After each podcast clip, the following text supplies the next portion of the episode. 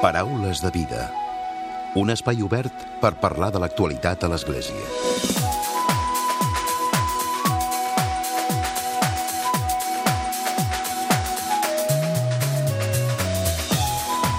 Què tal? Salutacions i molt bon dia, molt bon diumenge. La revista 21, tota una referència en el món del periodisme religiós, celebra aquest any el seu centenari. Ho fa i ho ha fet recentment amb un acte oficial en què hi ha participat el cardenal Carlos Osoro. Precisament el cardenal Osoro ha destacat d'aquesta publicació que es caracteritza, diu, per oferir una lectura creient de l'actualitat als seus lectors, sempre fidel al compromís de l'Església i de l'Evangeli. Al llarg de la seva dilatada carrera, la revista 21 21, 21 ha obtingut nombrosos reconeixements a nivell social d'organismes com ara UNICEF o entitats com Mans Unides o la mateixa Comissió Europea. També ha rebut una distinció catalana, va ser l'any 2016 amb el Memorial de Periodisme Solidari Joan Gomis per un article de Sílvia Melero publicat a revista 21. En Fernando Cordero és el seu director i avui ens acompanya el Paraules de Vida.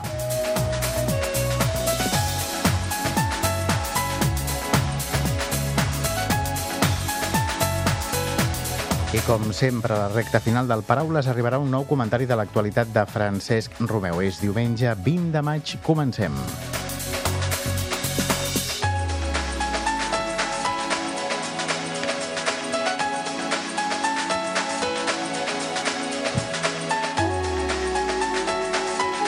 Fernando, bon dia, buenos días. Bon dia, estic molt content de ser aquí amb vosaltres aquest matí. Moltes gràcies, Fernando. Doncs primer de tot, felicitats, perquè una revista que fa 100 anys és una xifra rodona i molt important, oi? Pues moltes gràcies per la felicitació. Continuaré en castellà i... Sí, Eh, la verdad que es una cifra muy importante que la estamos viviendo con una gran alegría. Todo el equipo de 21 y también la Congregación de los Sagrados Corazones, que es la editora, pues estamos muy contentos y al mismo tiempo muy sorprendidos del eco en los medios y también en la propia población que se ha unido a, a este centenario, algo inusual para un medio de iglesia, porque son 100 años acercándonos cada mes a nuestros lectores, lectores que están pues por toda por toda España y aquí en Cataluña pues que tenemos casi 3.000 lectores, 3.000 suscriptores con una gran fidelidad. Això t'anava a dir, eh, eso te, te, iba a decir, ¿no? Tres, eh, 100 años, 100 años en un medio ya es eh, una cosa inusual y encima si es un medio que se dedica a la información religiosa aún más, ¿no? Pues sí, la verdad que es un medio que se ha dedicado, por un lado, desde el principio a la información religiosa, pero por otro siempre ha tenido una vertiente muy social. De hecho, antes la revista 21 se llamaba Reinado Social y era una manera, pues, también de traer muchas noticias, reportajes de las personas que más sufren en nuestro mundo. O sea que siempre ha tenido también una dimensión muy solidaria y al mismo tiempo de tender puentes con la cultura y con el hombre y la mujer, pues, de cada momento, de cada década en la que la revista, pues, se ha ido desarrollando, que ya, claro, son muchas décadas también.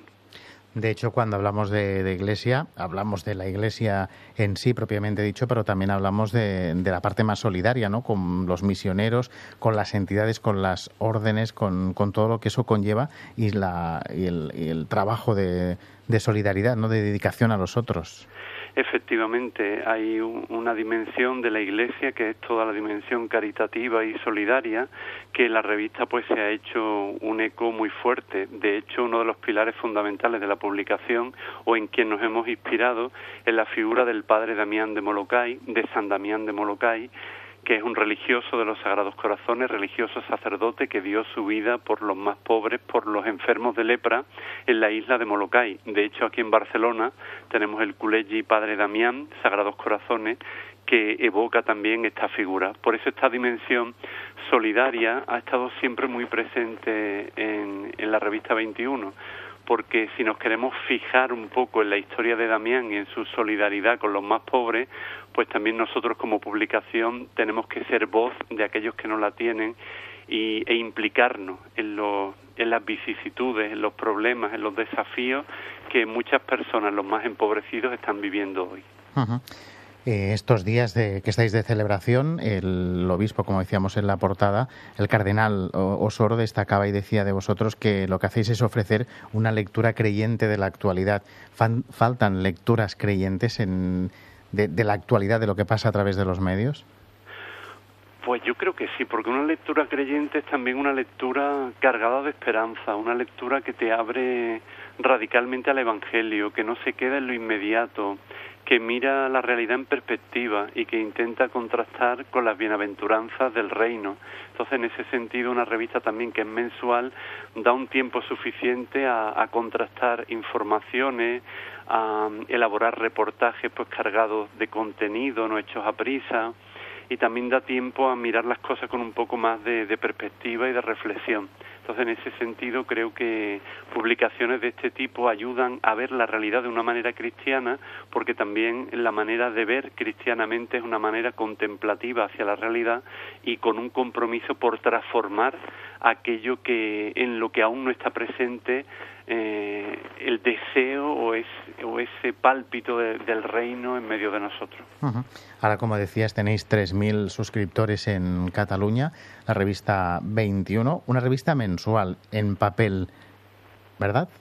Exactamente, una revista en papel, pero también tenemos nuestra página web www.v21rs.es, donde pues también mm, continuamente estamos dando informaciones y algunos de nuestros reportajes pues también se dan en abierto, tenemos blogs, pero el producto principal hasta ahora es la revista en papel, que llega a muchísimos hogares y que esta revista es mm, una manera de de consolidar muchas informaciones que hoy día, hace unos días eh, en la jornada de las comunicaciones sociales hablaban de las fake news, de las noticias falsas y sabemos muchas veces todo lo que está pasando en esta era de la inmediatez con las redes sociales, que hacen falta también medios que contrasten esas informaciones y el papel da una solidez que, que es garantía también de veracidad cuando estos medios son de calidad.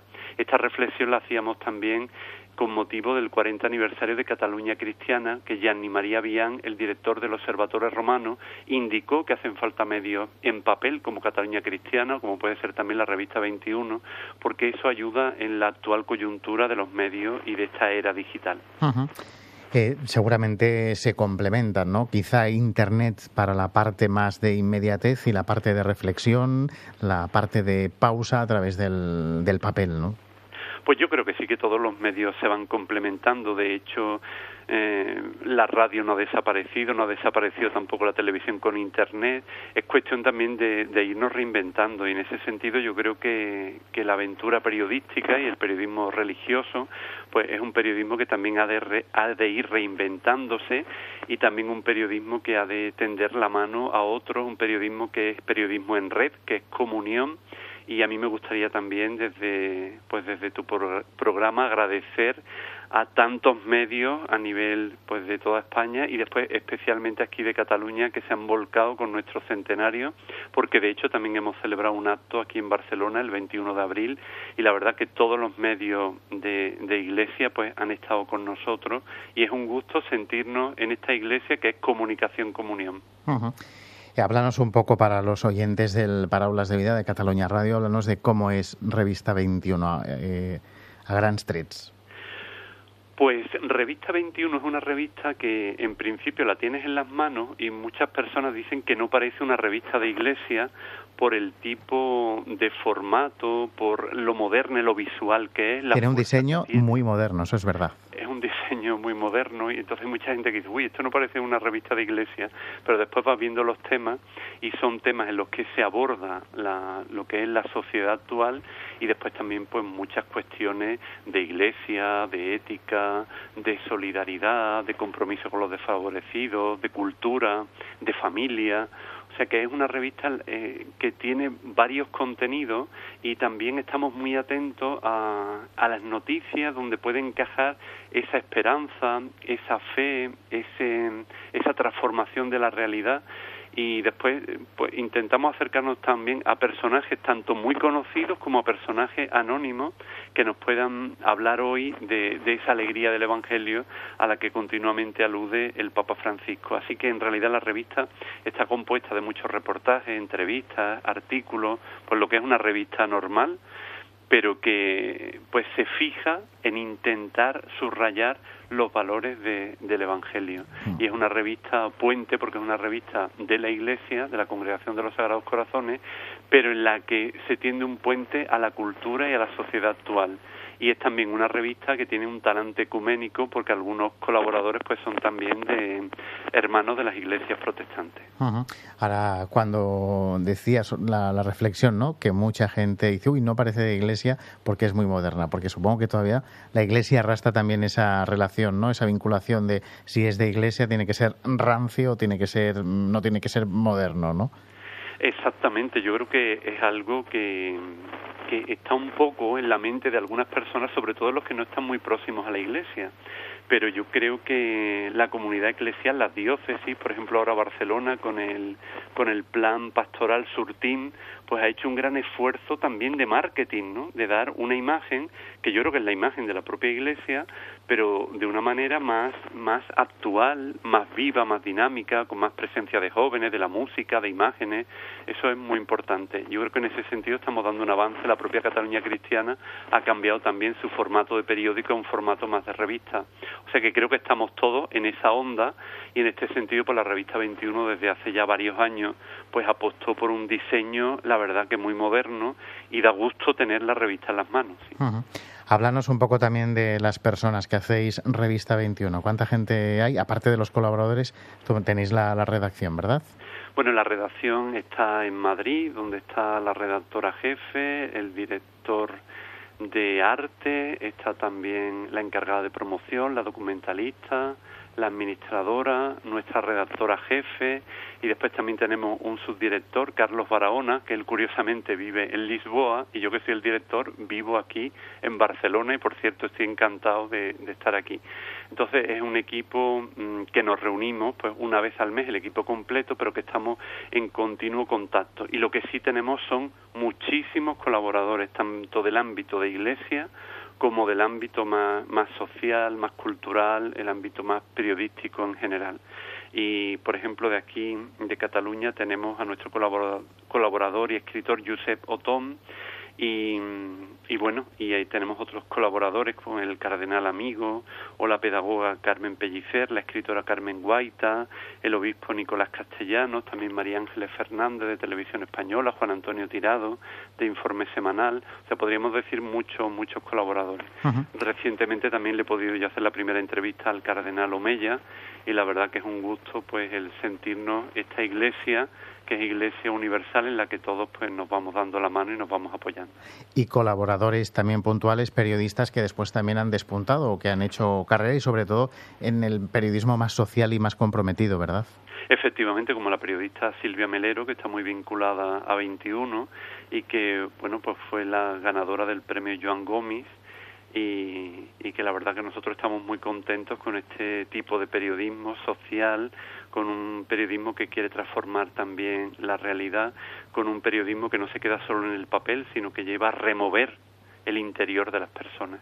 Y en este sentido creo que los reportajes de Silvia Melero pues son una suerte, igual que los reportajes de otros compañeros, por ejemplo, ahora está colaborando mucho con nosotros Antonio Pampliega, después de su secuestro en Siria y el que ha visitado tantos países en conflicto, pues es una riqueza tenerlo también en nuestras páginas.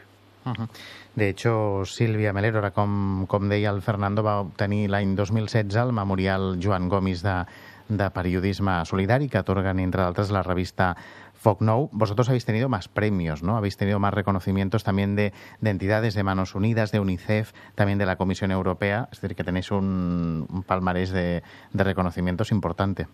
Pues sí, la verdad que han sido ya varios premios y yo creo que también el premio más grande que ha tenido la revista es eh, estos 100 años de fidelidad de gente que le ha tocado el corazón la lectura de, de 21 de Reinado Social y eso sí que para nosotros en estos días del centenario está suponiendo pues una gran alegría la cantidad de llamadas, de correos, de mensajes vía Twitter o Facebook que, que no vamos que, estamos teniendo un continuo que estamos muy muy sorprendidos y muy muy agradecidos por ese premio de, de nuestros lectores y de nuestros amigos.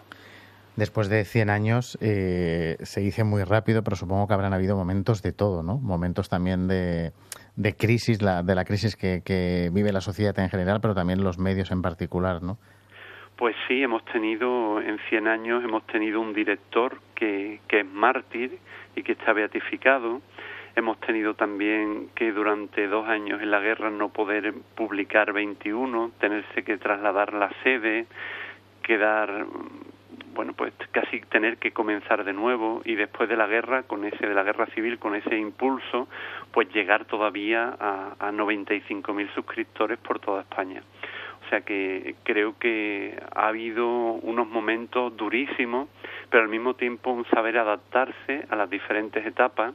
Después el concilio, la venida de, del color a la revista, el ir pues adquiriendo cada vez un formato más actual, más vivo, más consonancia con, con los deseos de las personas de, de nuestro mundo. Así que creo que ha habido como un proceso, sería interesante como hacer una, un libro sobre la historia de, de 21, porque se puede hacer incluso un estudio sobre los anuncios desde el principio hasta la actualidad, porque es realmente curioso. Y siempre ha habido una, un cuidado de, de, la maquetación, del diseño desde el principio. Es una revista que en ese sentido ha estado muy, muy cuidada. Fernando, ¿y cuáles son los retos para 21 y también para el resto de, de medios de, de, comunicación en general, para la prensa escrita, para la prensa de, de la Iglesia?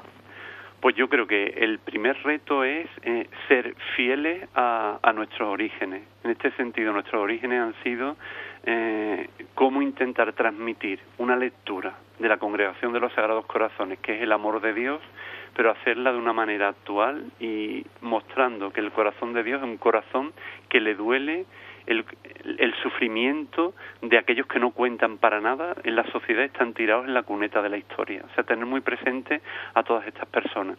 Y después vivir una cierta profecía, pero con un toque positivo, con un talante cargado de, de esperanza y estar muy atento a contar historias, pero historias de vida, historias que, que construyan a las personas, no dedicarnos solo a la crítica por la crítica o a la confrontación, sino creo que también los medios de iglesia tenemos una función muy importante de ser puentes, puentes entre la sociedad, puentes entre diferentes sensibilidades, estar muy atentos a la cultura actual, porque en esta cultura estamos llamados también a evangelizar y también sentirnos evangelizados por la propia cultura, porque hay elementos de la cultura actual, de la solidaridad, que hay, por ejemplo, aquí en Cataluña y en Barcelona, que son, pues yo creo que, que buena noticia y, y, que sabe a evangelio.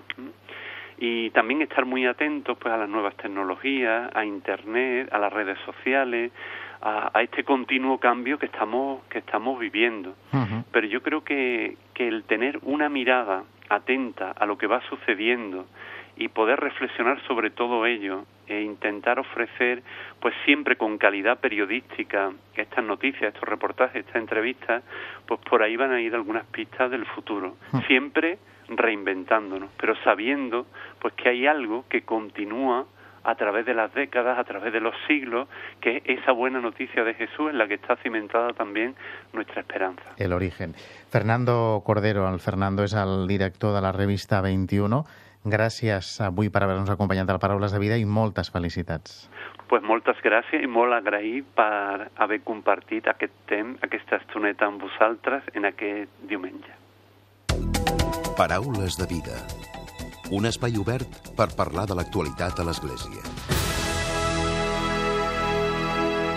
I tot seguit parlem amb un altre periodista, en aquest cas amb en Francesc Romeu. Francesc, molt bon dia.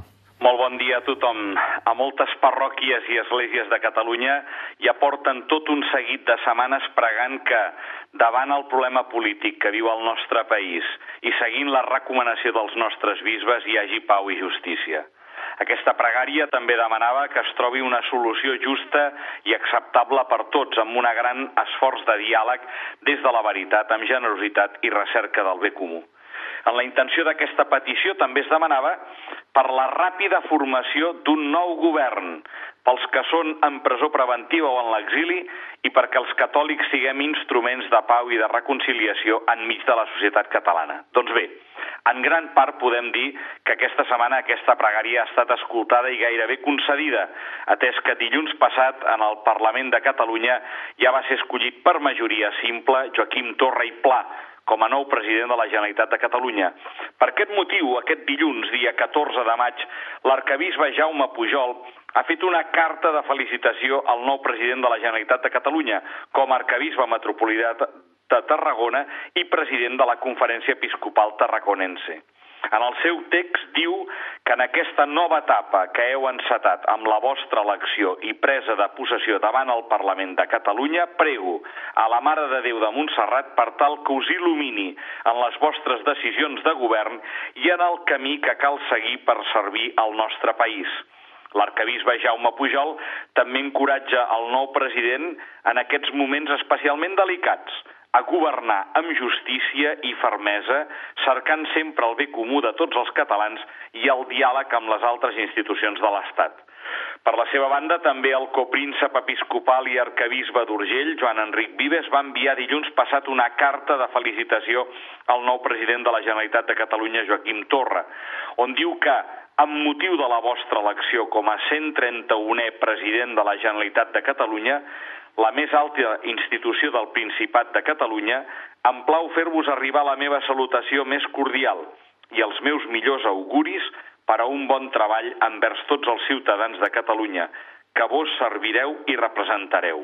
I continua dient, us desitjo molt d'encert en les vostres responsabilitats pel bé de tots els catalans i ja sabeu que em teniu a la vostra disposició en tot el que jo pugui col·laborar a els lligams de cooperació i fraternitat amb el Principat d'Andorra.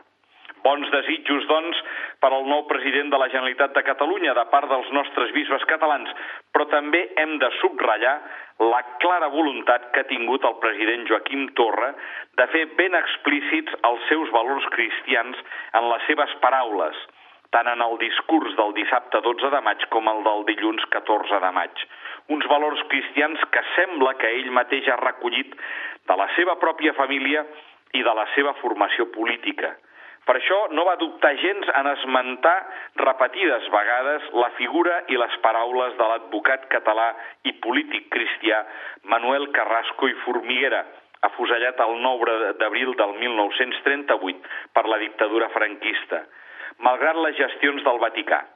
Segons diversos autors, L'execució la va ordenar personalment el mateix Franco, en reacció a la protesta de diversos governs estrangers, entre els quals incluïa el del Vaticà, contra els bombardejos per l'aviació franquista d'objectius civils, com els que van tenir lloc a Barcelona el 16, 17 i 18 de març, i condemnats públicament per la Santa Seu a través d'una nota oficiosa publicada el 24 de març al diari oficial de la Santa Seu, l'Osservatore Romano.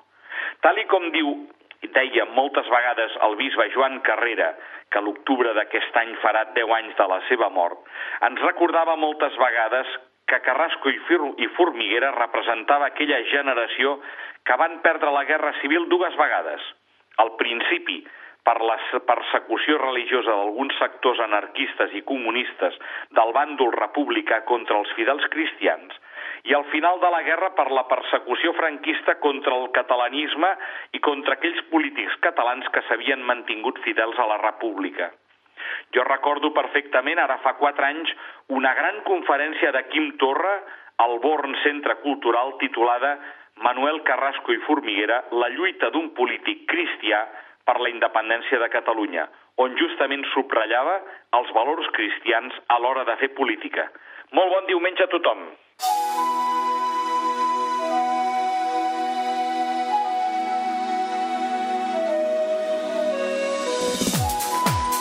Fins aquí el Paraules de Vida d'aquesta setmana, d'aquest diumenge. En Josep Maria Marçà ha estat el control tècnic i qui us ha parlat, l'Emili Pacheco. Que passeu bon diumenge i bona setmana.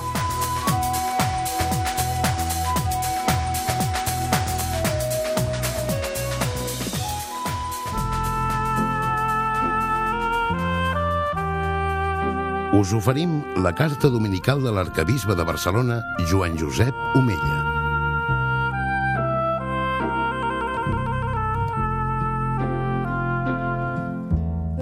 Déu vos guard. En un recent llibre entrevista al papa Francesc s'ha escollit un títol que pot sorprendre. Déu és jove. Aquest títol forma part d'un lema una mica més llarg. Déu sempre és jove, sempre és nou. Un bon lema per a meditar-lo avui en la solemnitat de Pentecosta, la festa de l'Esperit Sant que sempre renova la faç de la terra. L'autor de l'entrevista, el periodista i escriptor Thomas Leoncino, explica els motius pels quals va escollir aquest títol. Estàvem asseguts, l'un davant de l'altre, en una sala de la planta baixa de la Domus Sante Marte, casa on viu el papa, quan el papa francès va pronunciar aquestes paraules. Recordo el moment exactament i amb tota claredat l'espurna que li travessava la mirada amb la qual quasi semblava voler transmetre al mateix temps que amb les paraules alguna cosa profunda i alliberadora.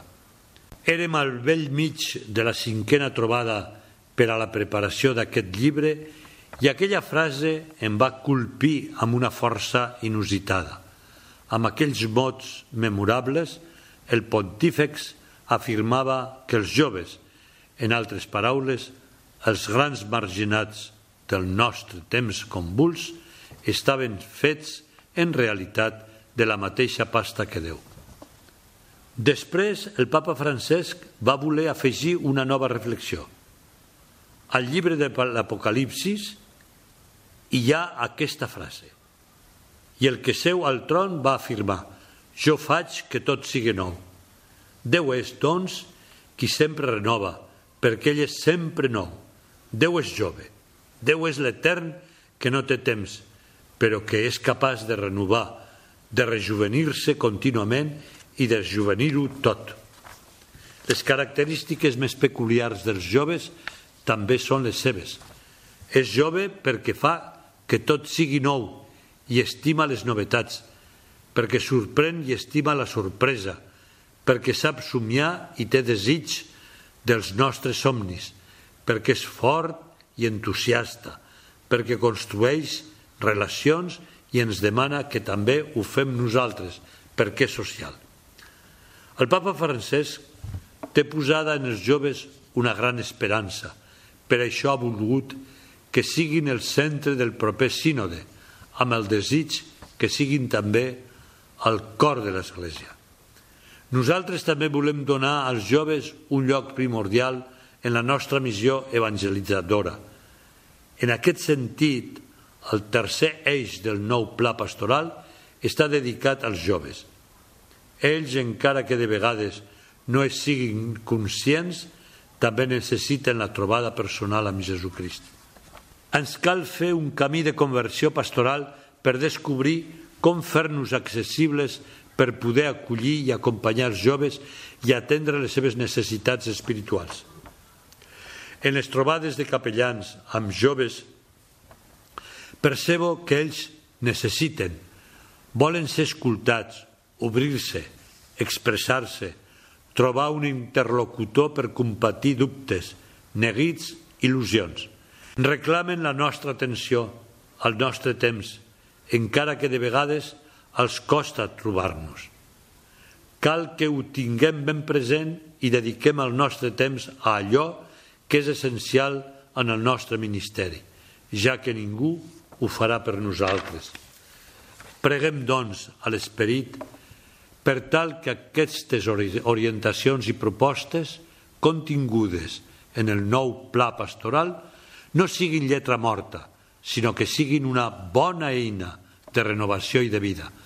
Demanem avui l'impuls del Sant Esperit, l'ànima de l'Església. Benvolguts germans i germanes, que Déu ens beneixi a tots. Us hem ofert la carta dominical de l'arcabisbe de Barcelona, Joan Josep Omella.